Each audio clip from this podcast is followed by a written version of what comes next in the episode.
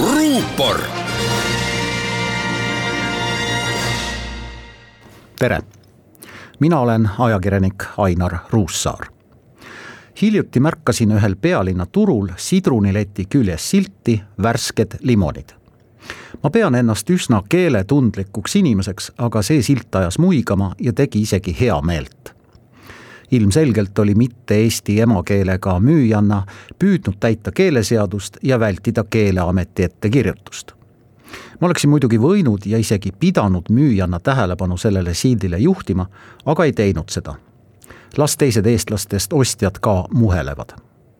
kui palju me igaüks peaksime olema igapäevaselt keeleinspektorid? või kui palju me peaksime muutuvas digitaalses maailmas korrektsest keelekasutusest kinni pidama käibel on ju mitu keelt.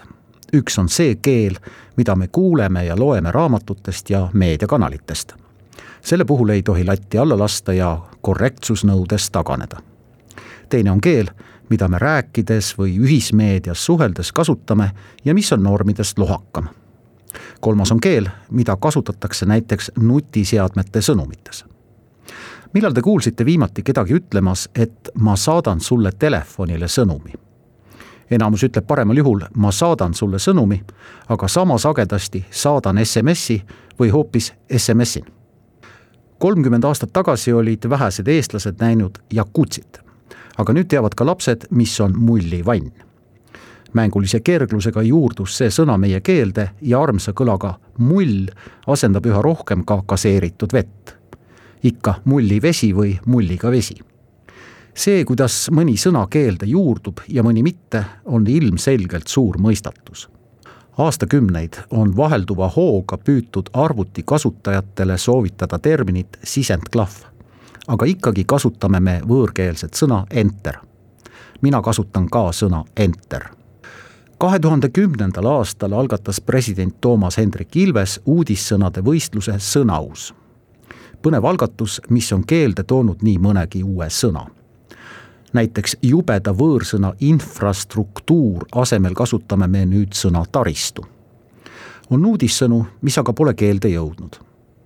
elektritõukeratta uudissõnaks pakutud sähku asemel on ikkagi kasutusel tõuks. armsad sõnad mõlemad. lõunauinaku asemele pakutud luinak on ka huvitav leid, aga ma pole kuulnud, et keegi seda kasutaks sama nunnult kõlab mullu vastandiks pakutud tullu ehk siis tuleval aastal, kuid keelde pole see sõna juurdunud. mis meie keelt juba pikka aega ohustab, on bürokraatia. seegi on eesti keelele ebaloomulik võõrsõna, aga ilusat vastet kasutuses pole bürokraatlik keel või siis ametnike keel toob meieni mitte midagi tähendavaid väljendeid, mis ametlikes dokumentides Riigikogu saalis või ametnike intervjuudes häirivalt tihti kõlavad.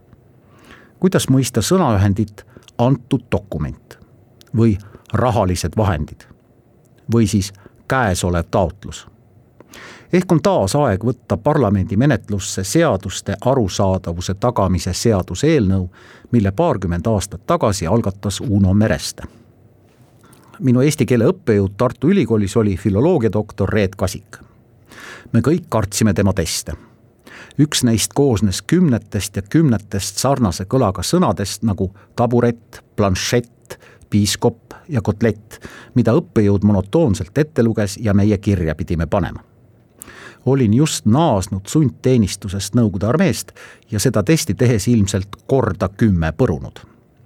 palusin professor Kasikul teha mulle hinnaalandus, kuna olin veetnud kaks aastat venekeelses keskkonnas. kas teile kukkus sõjaväes midagi pähe, uuris proua professor kelmikalt. lõpuks tegin Kasiku kurikuulsa testi ära. ilmselt tegin ka mina tänases kommentaaris mõne keelevea seda enam tahan ma meenutada Reet Kasiku suurepärast lauset, mida ta esmakursuslastele tänapäeva eesti keele esimeses loengus armastas öelda. Eesti keel on küll keeruline keel, aga mitte nii keeruline keel nagu mõni veel keerulisem keel. ruupor